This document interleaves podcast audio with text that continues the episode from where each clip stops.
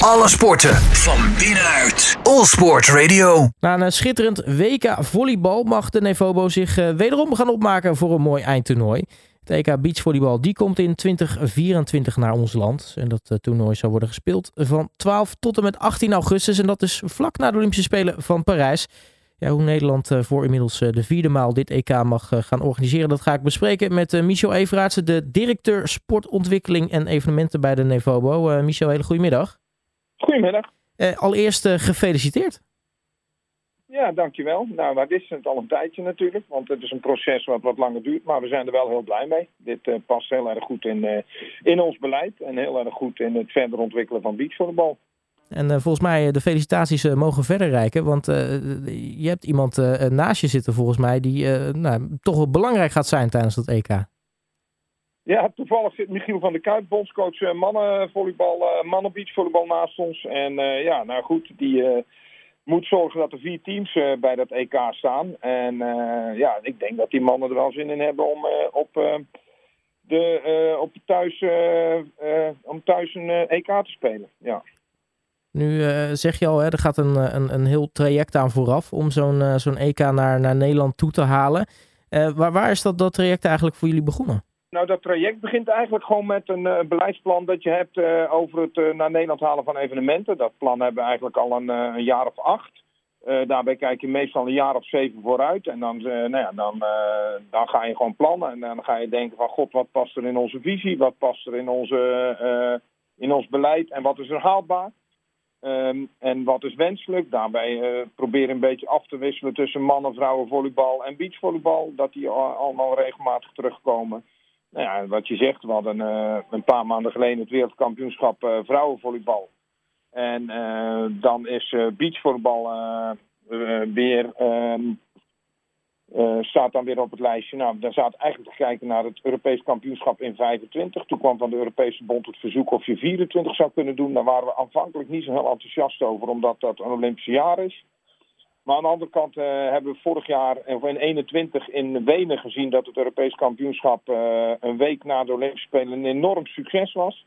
Dus toen dachten we, nou laten wij even kijken of wij dat uh, ook kunnen doen. En nou ja, dat, dat gaat lukken. En er zit natuurlijk genoeg ervaring bij, bij de bond. Want, nou ja, ik zei het al even, dit is inmiddels dan de vierde keer dat jullie het gaan organiseren, het EK Beach. Ja, 2006, 2012, 2018 en nu dus 2024. Dus er zit, een bepaalde regelmaat in.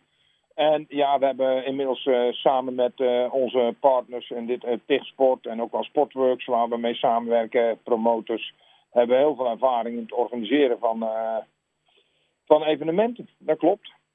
Wat maakt beachvolleybal zo dat het dat hoog op het lijstje staat bij de Nevobo om grote evenementen naar Nederland toe te halen? Um, nou, er zit een groot verschil tussen volleybal en beachvolleybal. En bij volleybal zie je heel erg dat een nationaal team, een teamsport, dat appelleert heel makkelijk aan het oranje gevoel dat wij Nederlanders allemaal hebben. Dus als, uh, als we dat organiseren, een EK of een WK of andere interlands, dan komen mensen vanzelf in het oranje naar de tribune. Maar die moeten wel ergens naar een, een, een hal toe, uh, die meestal ergens in een buitenwijk van een grote stad staat. Het mooie van beachvolleybal is dat kan je gewoon naar de mensen toe brengen, zoals we dat al jaren gedaan hebben. En dat is ook nu weer de bedoeling. We zijn met een aantal steden in gesprek, daar zijn we vrij ver mee. En dan zit je toch eigenlijk gewoon vaak op eh, hele interessante locaties. Op locaties waar veel mensen komen.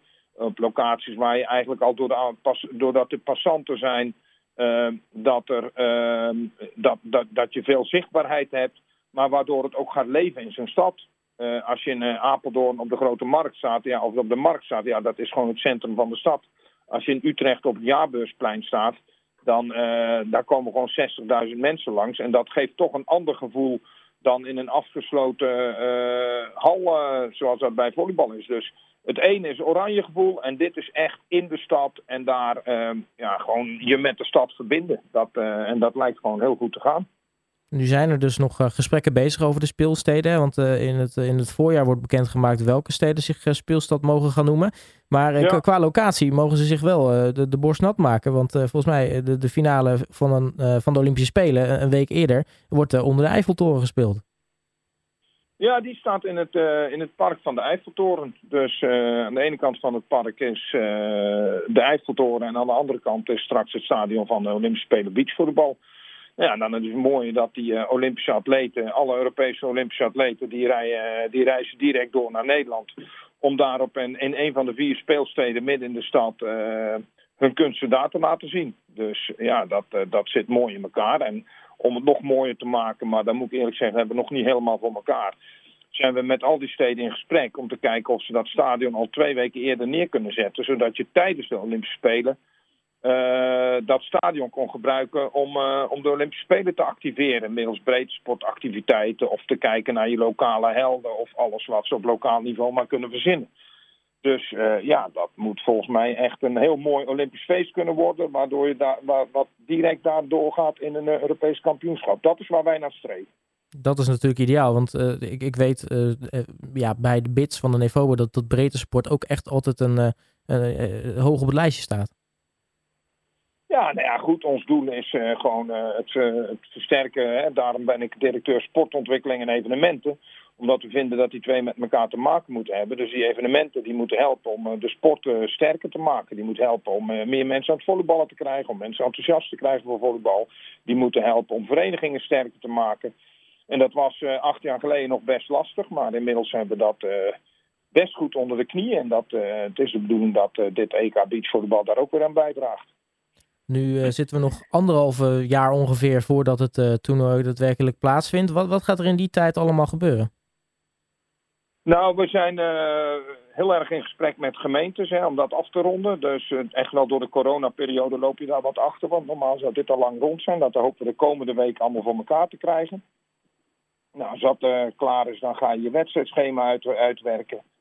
Um, en dan, ja, dan ga je langzaam aanwerken aan je promotie. En dan zal er ongeveer 50 dagen voor het evenement zal de loting zijn. Als de loting bekend is, weet je wie waar wanneer speelt. En ehm, ja, dat is eigenlijk het proces. Het eerlijkheidsgebied ook te zeggen dat er eh, tussen, uh, uh, tussen het definitief maken van de speelsteden en dat dan presenteren aan de buitenwereld, uh, dat er dan achter de schermen een heleboel gebeurt, maar voor de schermen niet zo heel veel. Dat is, ehm, ja, zo gaat dat en dat is ook helemaal niet erg.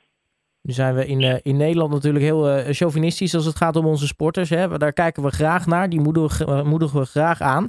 Welke, welke Nederlandse toppers uh, nou, moeten we zeker in de gaten houden? Eh, niet alleen richting de Olympische Spelen, maar de, dan ook zeker voor dat EK? Nou, dan geef ik je even voor de mannen geef ik je nu aan Michiel van der Kuip. En die kan zeker zeggen welke mannen daar uh, de meeste kans maken. Goedemiddag, Michiel van der Kuip hier.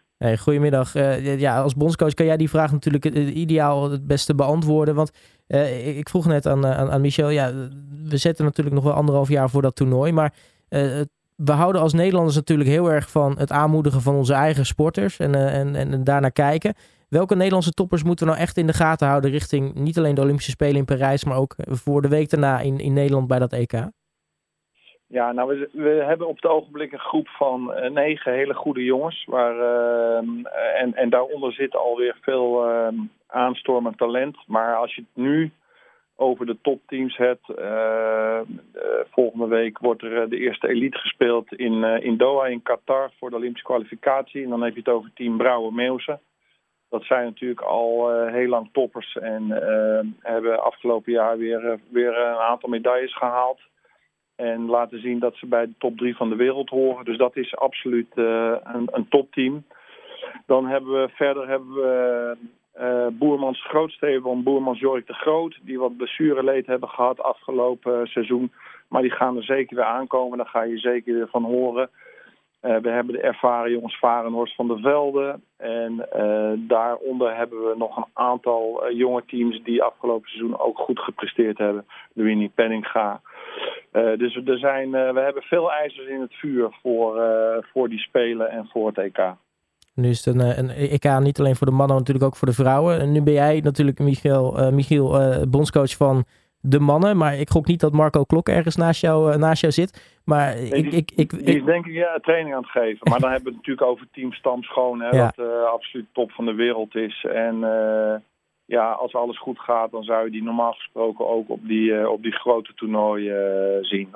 En zeker op het EK ook in Nederland. Hartstikke mooi. Um, nou, dus dat, dat, die gaan we in de, de gaten houden. Uh, Michiel van der Kuip, uh, thanks voor je toelichting. Als ik dan nog even snel terug naar, uh, naar Michel Everaerts ga. Um, Hier komt hij weer. Daar komt hij weer. Michel, tot slot. Um, is het natuurlijk ja, belangrijk dat, dat we natuurlijk genoeg toeschouwers hebben tijdens zo'n toernooi.